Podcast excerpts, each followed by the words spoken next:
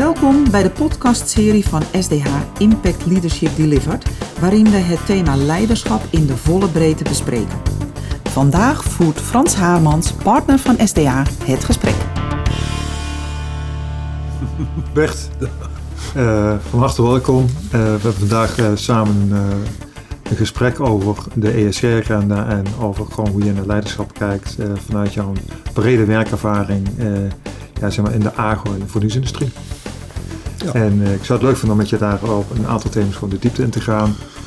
maar de eerste vraag is natuurlijk, hoe bevalt het nu om niet meer actief te zijn als CEO? Buitengewoon. Uh, nee, ik heb het met heel erg veel plezier gedaan, maar uh, ik mis het niet. Uh, ik heb veel plezier in een paar commissariaten. Ja. ik heb ook veel plezier in een heleboel vrije tijd. dus ik vond dit echt wel een hele goede timing.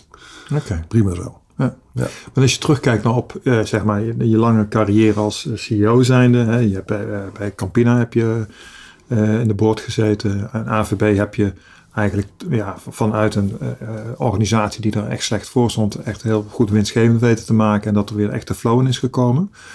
Hoe heb je in al die jaren het hele het leiderschap zien veranderen? Nou,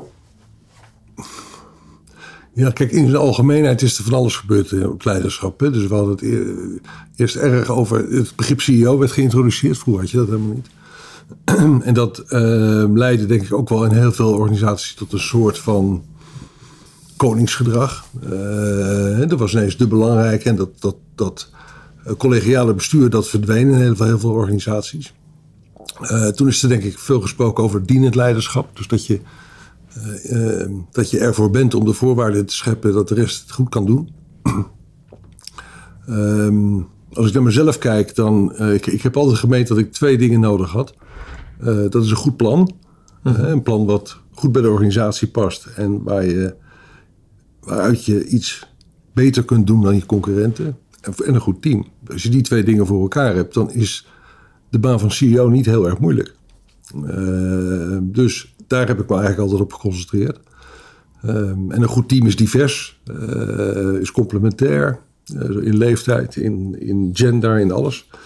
Ehm, en ik vind dat je daar ook geen compromissen moet sluiten. Ik denk dat het daar vaak misgaat. Dat je niet helemaal tevreden bent over je team, maar dat je er toch mee doorgaat. En nou, ik vind dat je dat niet moet doen. Je moet gewoon een goed team hebben, een goed plan en vervolgens moet je het plan uitvoeren.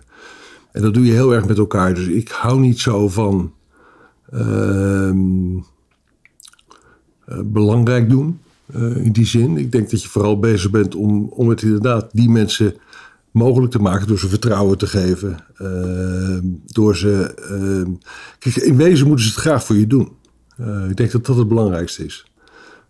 Dus ik geloof niet in het uit, uit, eindeloos druk uitoefenen op mensen of um, uh, alles op KPI's sturen of met uitgebreide dashboards. Of, hè, dat moet je, dat, natuurlijk horen die er ook bij, maar uiteindelijk moeten die mensen daar een zin hebben en moeten ze gewoon graag doen. En als dat dan goed met elkaar samenwerkt, nou voor mij is dat wel de essentie van hoe je een organisatie kunt besturen.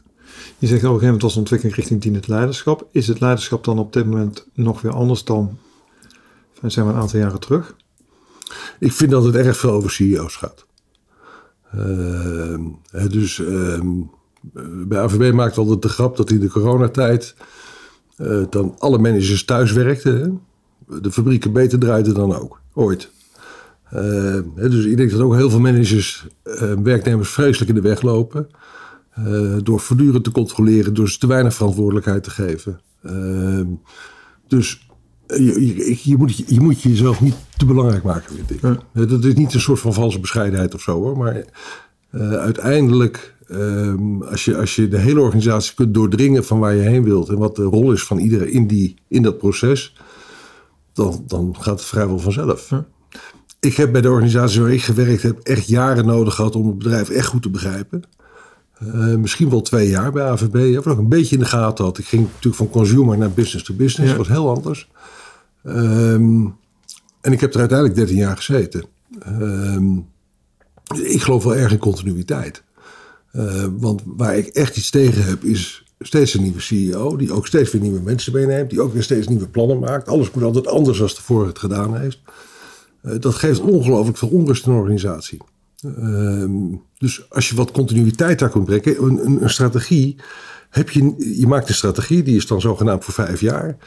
Ehm, maar dan ergens onderweg kom je erachter dat het niet helemaal goed was. Moet je een beetje bijsturen. Het helpt enorm als je een strategie hebt die je weliswaar met gemodificeerd gewoon een langere tijd kunt volhouden. Anders zorgt het alleen maar voor, voor onrust. En investeer je dan weer rechts en dan weer links. Uh, gevaarlijk voor een bedrijf, vind ik. Zie je ook nou het verschil tussen uh, zeg maar CEO's die leiding geven aan een coöperatie en of die actief bijvoorbeeld zijn in een familiebedrijf of beursgenoteerd uh, acteren? Ja, beursgenoteerd heb ik nooit gedaan. Uh, bij coöperaties heb je het grote verschil tussen beursgenoteerd en coöperaties is wel denk ik dat je aandeelhouders, wat de leden zijn, dat die er lang bij blijven, vaak hun hele leven dat ze heel goed hebben herinnerd, kunnen herinneren wat je vorig jaar gezegd hebt, of twee jaar geleden. Uh, maar dat ze ook bereid zijn om meer naar de lange termijn te kijken. Dus wij hadden geen last van kwartaalresultaten, we hadden geen last van korte termijn denken. Natuurlijk moest je wel eens een keer wat doen, maar in principe, uh, als zo'n strategie ondersteund wordt, kun je dat gewoon jarenlang volhouden. Uh, familiebedrijf, nou, ik heb één ervaring bij familiebedrijf, ik ben commissaris bij Zalandia. daar merk ik ook dat ze erg gaan voor de lange termijn. Um, en ik denk dat in veel bedrijven dat vrij moeilijk geworden is. Ja. Uh, dus, um, en als je korte termijn georiënteerd bent, er is, kijk, er gebeurt op korte termijn altijd wat. Wat je niet voorzien hebt. Ja. Uh, als dat alsmaar reden is om je strategie maar even koud te zetten en maar gewoon te focussen op korte termijn, dan kom je er eigenlijk ja. nooit. He, dan ga je van incident naar incident. Je hebt als CEO en, uh, inderdaad heel lang uh, bij uh, coöperatie gewerkt, Campina, bij, bij AVB. Ja. Wat maakt dat jij in zo'n setting heel goed tot je recht komt? Ja, dat weet ik niet goed. Uh, ik, kijk, binnen coöperaties gelden een paar regels. Dat is dat je doet wat je zegt.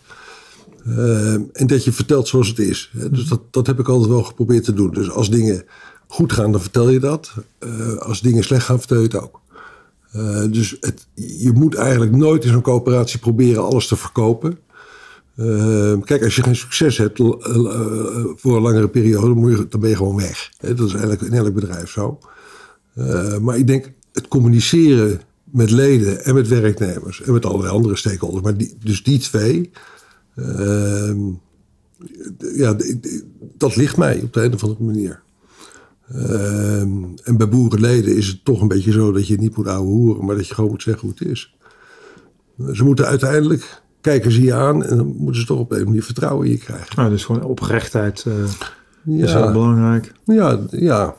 Integer zijn. Ja. Ik weet niet of ik in een ander soort bedrijf ook uh, succes had gehad. Ik heb geen idee. Ja, ja. Dat ga ik niet meer, ga ik niet meer ontdekken. Ja.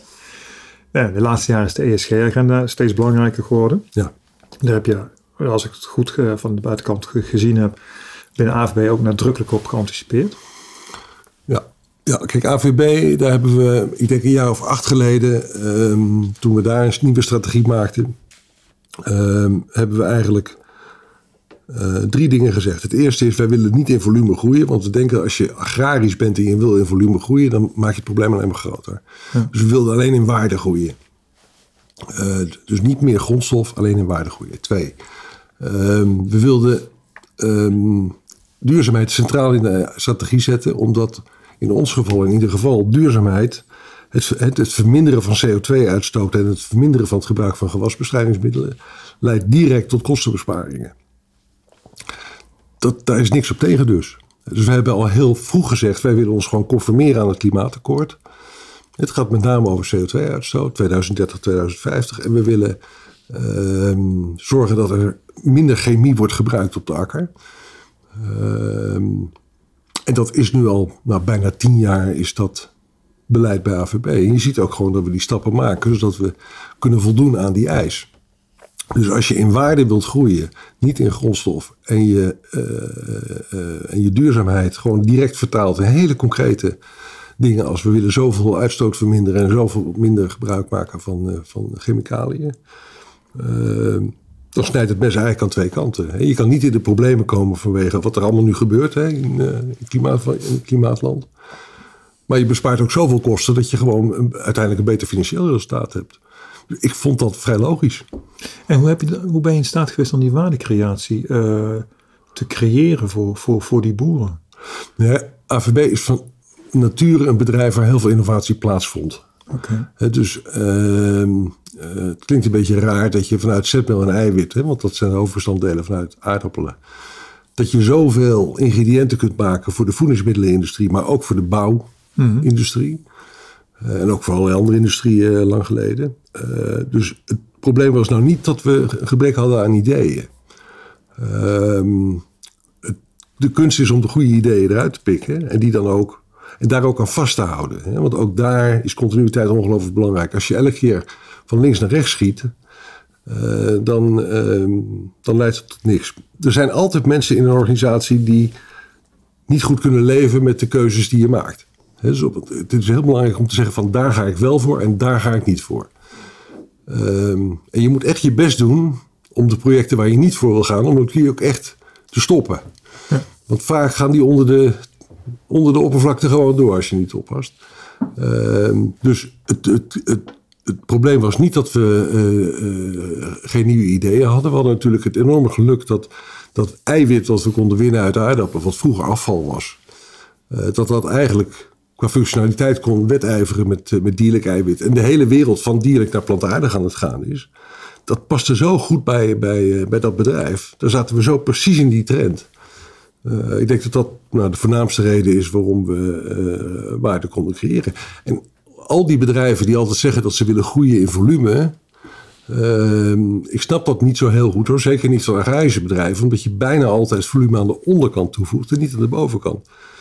Dus als je eh, ineens veel meer melk hebt of veel meer aardappelen hebt. Dan maak je er geen producten van die naar buiten gewoon innovatief is. Want dat had je al. Die grondstof had je al. Dus in principe is, is, zeker in Nederland en met de stikstofproblematiek en alles wat er aan de hand is, is het groeien in volume gewoon onverstandig. Ja, Bert, wellicht kun je nog een eh, voorbeeld geven van de, de waardecreatie. Eh, je hebt wat zaken daarin genoemd. Eh, kun je een voorbeeld geven van, van de producten die jullie daar succesvol naar de markt gebracht hebben? Ja, ik vind het zelf het mooiste voorbeeld eiwit. Ehm, als je lang teruggaat, ehm, werd eiwit helemaal niet gewonnen bij die, in, die industrie, hè, in die zetmeelindustrie. Maar werd het geloosd op kanalen. Het was afval, waren alle kanalen wit en zo. Eh, later is er een, eh, een proces ontwikkeld waardoor je het eiwit eruit kon koken. Maar dan was het niet meer functioneel. Hè. Dan heb je zeg maar een gekookt ei. Ja. Daar kan je niet zoveel meer mee. Behalve, eh, en uiteindelijk hebben we een technologie ontwikkeld. waarbij we het op kamertemperatuur, even populair gezegd, kunnen, kunnen winnen. Waardoor het al zijn functionaliteiten behield. Ehm, en daardoor, eh, nou, eh, het zal je niet ontgaan zijn dat vleesvervangers een grote groeimarkt is. Ehm, en eh, in vleesvervangers heb je eiwit nodig. Dat moet natuurlijk een plantaardig eiwit zijn, want anders dan ga je, schiet je aan je doel voorbij. En wij hadden daar eigenlijk het ideale eiwit voor. Eh, dus je ziet dat eiwit, dat heet Solenic van AVB, dat zie je terug in al die vleesvervangers die je eh, eh, op de markt ziet. Eh, en dat bindt zeg maar de ingrediënten van die vleesvervanger eh, bij elkaar. En dat is nou, aanjager geweest van grote ontwikkeling bij AVB. Want hoe kijk je nou naar de problematiek die we hebben in Nederland eh, ten aanzien van stikstof, fosfaten en al dat soort eh, problemen? Ja, weet je, ik vind het grootste probleem wat dat betreft waarheidsvinding. Hè? Dus als je het RIVM vraagt of de universiteit vraagt of wat dan ook. er komen alsmaar nieuwe verhalen en het wordt alsmaar in twijfel getrokken of het nou wel of niet waar is. Dat vind ik het moeilijkste van alles, want bedrijven moeten investeren. En investeringen duren vaak, gaan vaak 20, 30 jaar mee. Dus je moet wel even zeker weten als je ergens in investeert dat het ook beklijft. Hè? Dat het ook past in de, in de, in de toekomst. Ehm, nou, stikstof gaat, over het, gaat met name over ammoniak, denk ik.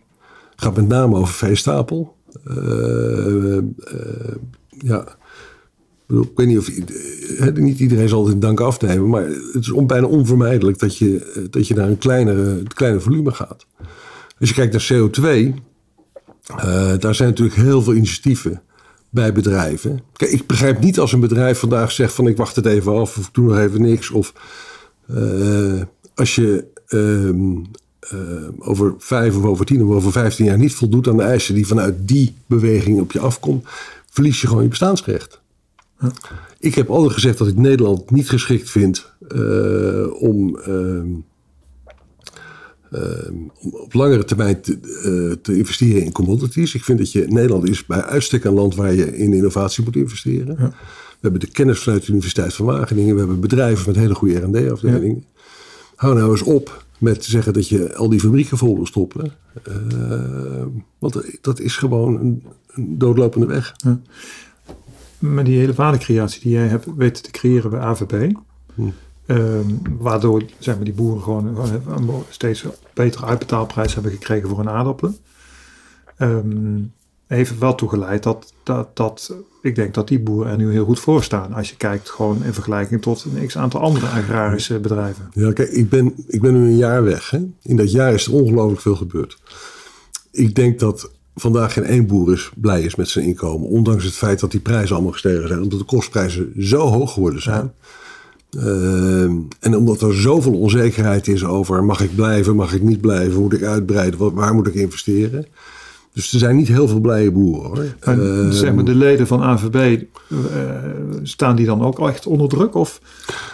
Uh, ik denk dat alle boeren onder druk staan. Ja, oké. Kijk, je kunt natuurlijk niets doen even dat de energieprijzen zijn gestegen en dergelijke. Dat, dat snap ik. Ja, maar als we dat even buiten beschouwing laten. Nou, laten we zeggen, wat ik meegemaakt heb is dat, ze, uh, dat het nooit genoeg is. Dat, dat, dat is een uitgangspunt bij coöperaties. Bij coöperaties. Maar dat, het, uh, dat we, laten we zeggen, in de loop van de tijd relevant geworden zijn. En dat er veel jaren zijn geweest dat het saldo wat boeren aan ons producten overhielden beter was dan de concurrerende gewassen. Mm uh, maar ik denk dat er nu op de korte termijn wel heel veel dingen spelen die ongelooflijk veel druk op de organisatie zetten.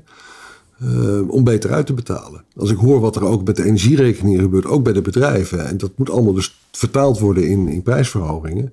Dat heb ik dan nooit gezien. Ja, Dit is nog nooit gezien. Ja. Dus, uh, maar weer, bedoel, op het moment dat je al jaren geleden had ingezet op sterke energiebesparingen, had je er vandaag wel plezier van gehad. Ja. Um, en dit gaat ook weer voorbij. Ja. dus, uh, maar wat heeft in jou, naar jouw mening Nederland nodig in deze hele discussie in die agrarische sector? Ja, als ik dat wist. Het is zo complex. Uh, ik bedoel, kijk, het stikstofprobleem,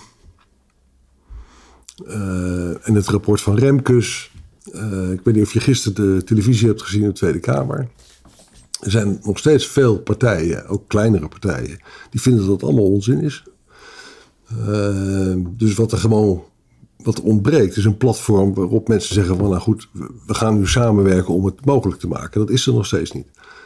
Het wordt wel iets beter, heb ik de indruk. Hè? Uh, maar het is nog steeds buitengewoon moeilijk om, uh, om alle neuzen dezelfde kant op te Er zit natuurlijk een bepaalde onredelijkheid in het feit dat de situatie die vandaag bestaat, dat die gecreëerd is in misschien wel 100 jaar en dat je het nu in vijf jaar of acht jaar wil oplossen. Ja. dus, um, en er is ook heel veel druk vanuit Brussel, heb ik begrepen, om, uh, er is weinig, weinig ruimte voor compromissen of, uh, of nuance. Uh, maar laten we in ieder geval beginnen. dus ik heb nu het gevoel dat we een beetje stilstaan, omdat, iedereen, omdat we het allemaal met elkaar oneens zijn. Ehm, maar ik geef je te doen hè, om deze, al deze verschillende neuzen dezelfde kant op te krijgen. Ja, het is gewoon heel complex natuurlijk. Ik bedoel, er spelen zoveel belangen. Ja. En wat voor de een misschien iets minder is, kan voor de ander heel, heel belangrijk zijn. Zie je daar ook een. Hoe kijk je dan in, in, naar de governance? Wat bedoel je? Nou ja, in de zin van, uh, vind je dat daar dingen in moeten gaan veranderen richting bedrijven?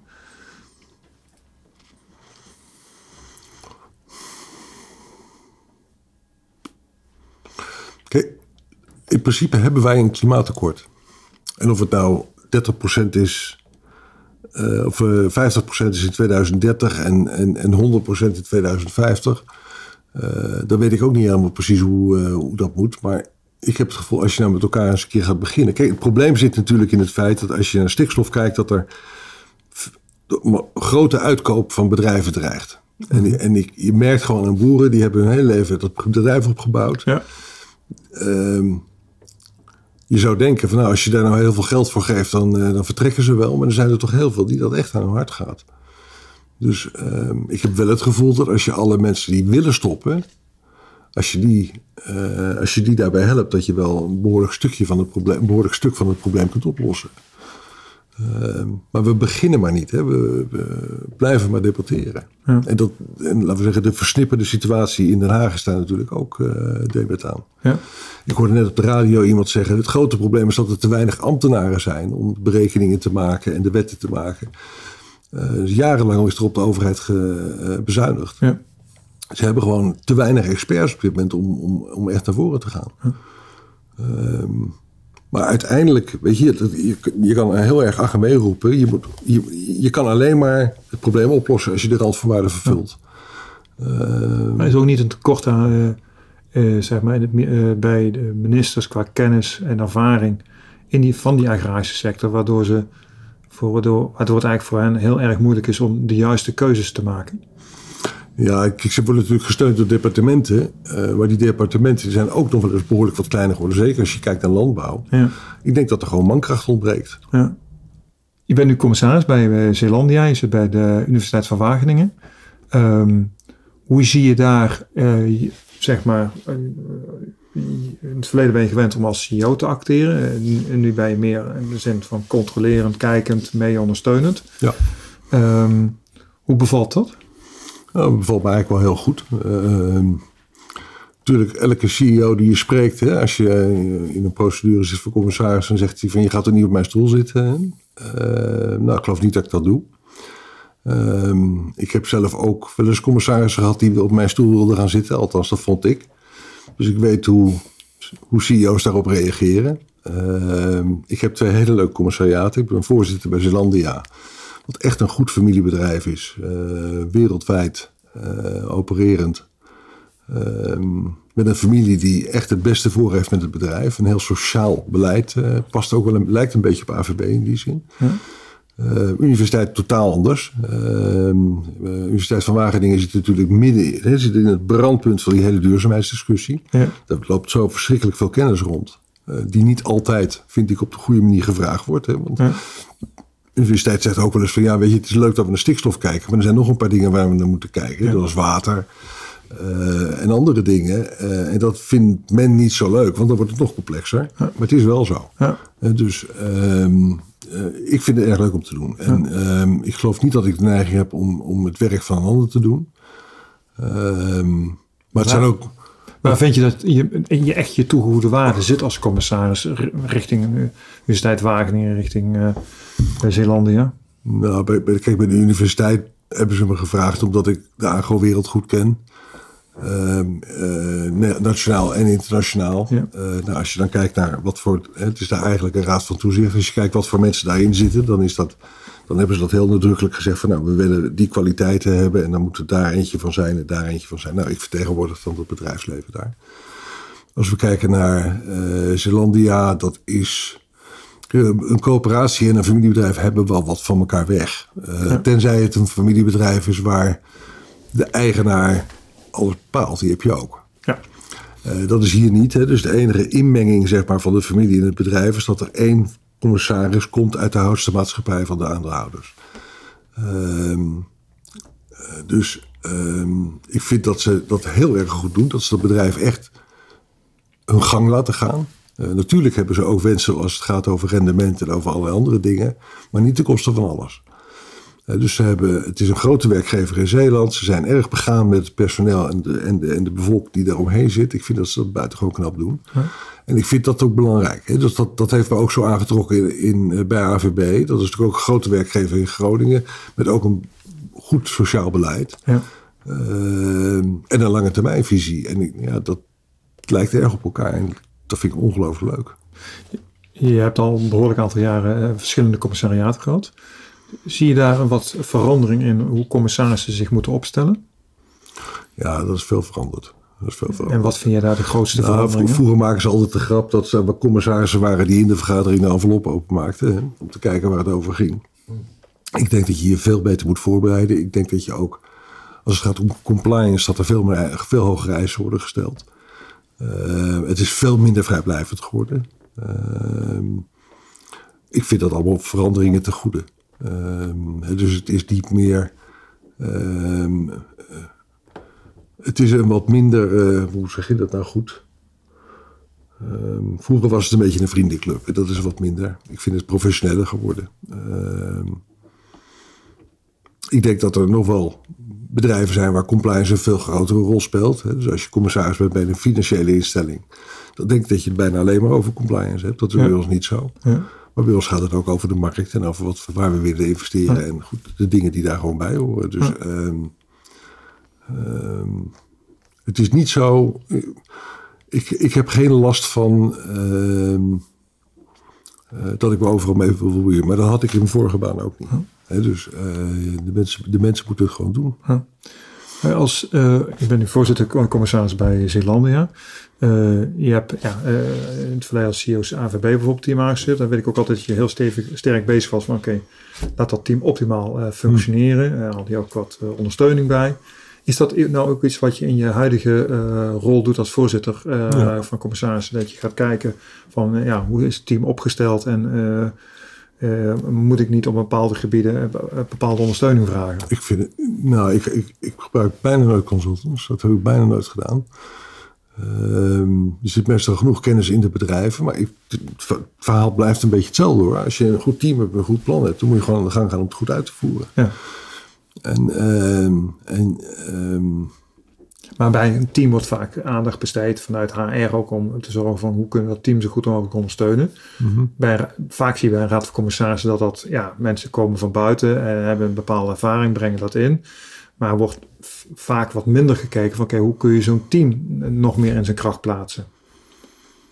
Ja, toch is ik denk dat bijna alle raden van commissarissen tegenwoordig wel uh, aan evaluatie doen. Ja. En dus dat is heel, dat, tenminste de twee waar ik zit, dat gaat heel expliciet in de zin van uh, uh, dat je over elkaar zegt, hè, met behulp van een buiten, van een, van een hulp van een bedrijf, dat je elkaar goed evalueert en dat je daar ook heel eerlijk over bent. Ik denk ook dat het minder, vroeger was drie keer vier jaar was standaard. Ja. Ik zie nu wel gebeuren dat je zegt, nou vier jaar en daarna gaan we, laten we het er nou eens echt over hebben daarna. Of, of jij toegevoegde waarde hebt voor het proces en of het bedrijf wat voor je aan je heeft en of je er zelf ook wat aan hebt. Dat automatische drie keer vier jaar gaat weg, denk ik. En het is ook geen schande. Hè? Als je ergens op een gegeven moment, weet ik, voor acht jaar hebt gezeten, dan is het helemaal geen schande als je zegt van nou, misschien is het beter hè, dan we eens een keer een ander nemen. Um, dat vind ik een goede ontwikkeling. Je ziet een aantal technologische ontwikkelingen heel erg hard gaan. Ehm, eh, eh, die flink impact kunnen hebben op het bedrijf als zodanig. Je ziet dat daar de jonge generatie, die, die groeien daar in die, die hele digitale wereld als het ware nu op een natuurlijke manier in. Veel commissarissen hebben, komen niet vanuit die digitale wereld, hebben daar natuurlijk op een bepaalde manier wel mee geleerd om te gaan. Hoe ervaar je dat? Is dat hoe, hoe, speel jij daar zelf op in binnen je team om ervoor te zorgen dat de ontwikkelingen die in die digitale wereld eh, plaatsvinden, dat je daarmee uh, gewoon goed van op de hoogte bent en ook het bedrijf daar op een goede manier in kunt ondersteunen.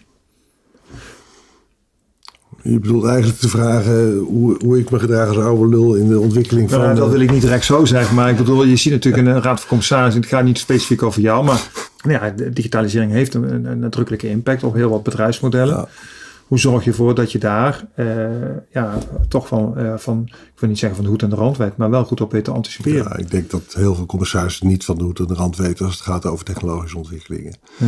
Het is wel lekker als je iemand in de RVC hebt zitten die dat wel heeft. Maar dat hebben niet alle commissarissen. Dus je zal ook een beetje moeten vertrouwen op de mensen in het bedrijf wat die voorstellen en, uh, en waar, waar, waar, te investeren en waar niet. Ja. je hebt altijd nog je boerenverstand, hè, dat is belangrijk, maar het is een illusie om te denken als er hoogtechnologische ontwikkelingen zijn, dat je als commissaris precies weet waar het over gaat. Ja. Dat is echt moeilijk. Dat, dat moet erg vanuit het bedrijf komen. En dan moet je denk ik met een normale set van, uh, van vragen en, en, en evaluaties moet je proberen daar een mening over te vormen. Ja. Uh, het gaat natuurlijk vaak over risicomanagement vandaag. Ja. Uh, dus dat is wel een vraag die elke commissaris stelt bij elke investering. Van wat, is, wat zijn de risico's die ermee samenhangen? Omdat je die nou een keer goed moet afdekken. Ja. Uh, maar het mag niet je af laten leiden van het nemen van de kans die het, uh, die het biedt. Uh, ik denk ook dat de diversiteit inraden van commissarissen qua leeftijd. Uh, dat dat ook een goede ontwikkeling is. He, dus ehm, je moet niet alleen maar gepensioneerden in je, in je ja. FVC hebben. Ja. Het is prettig als je ook gewoon een paar mensen hebt die nog midden met een, met een poten midden in de modder staan. Ja.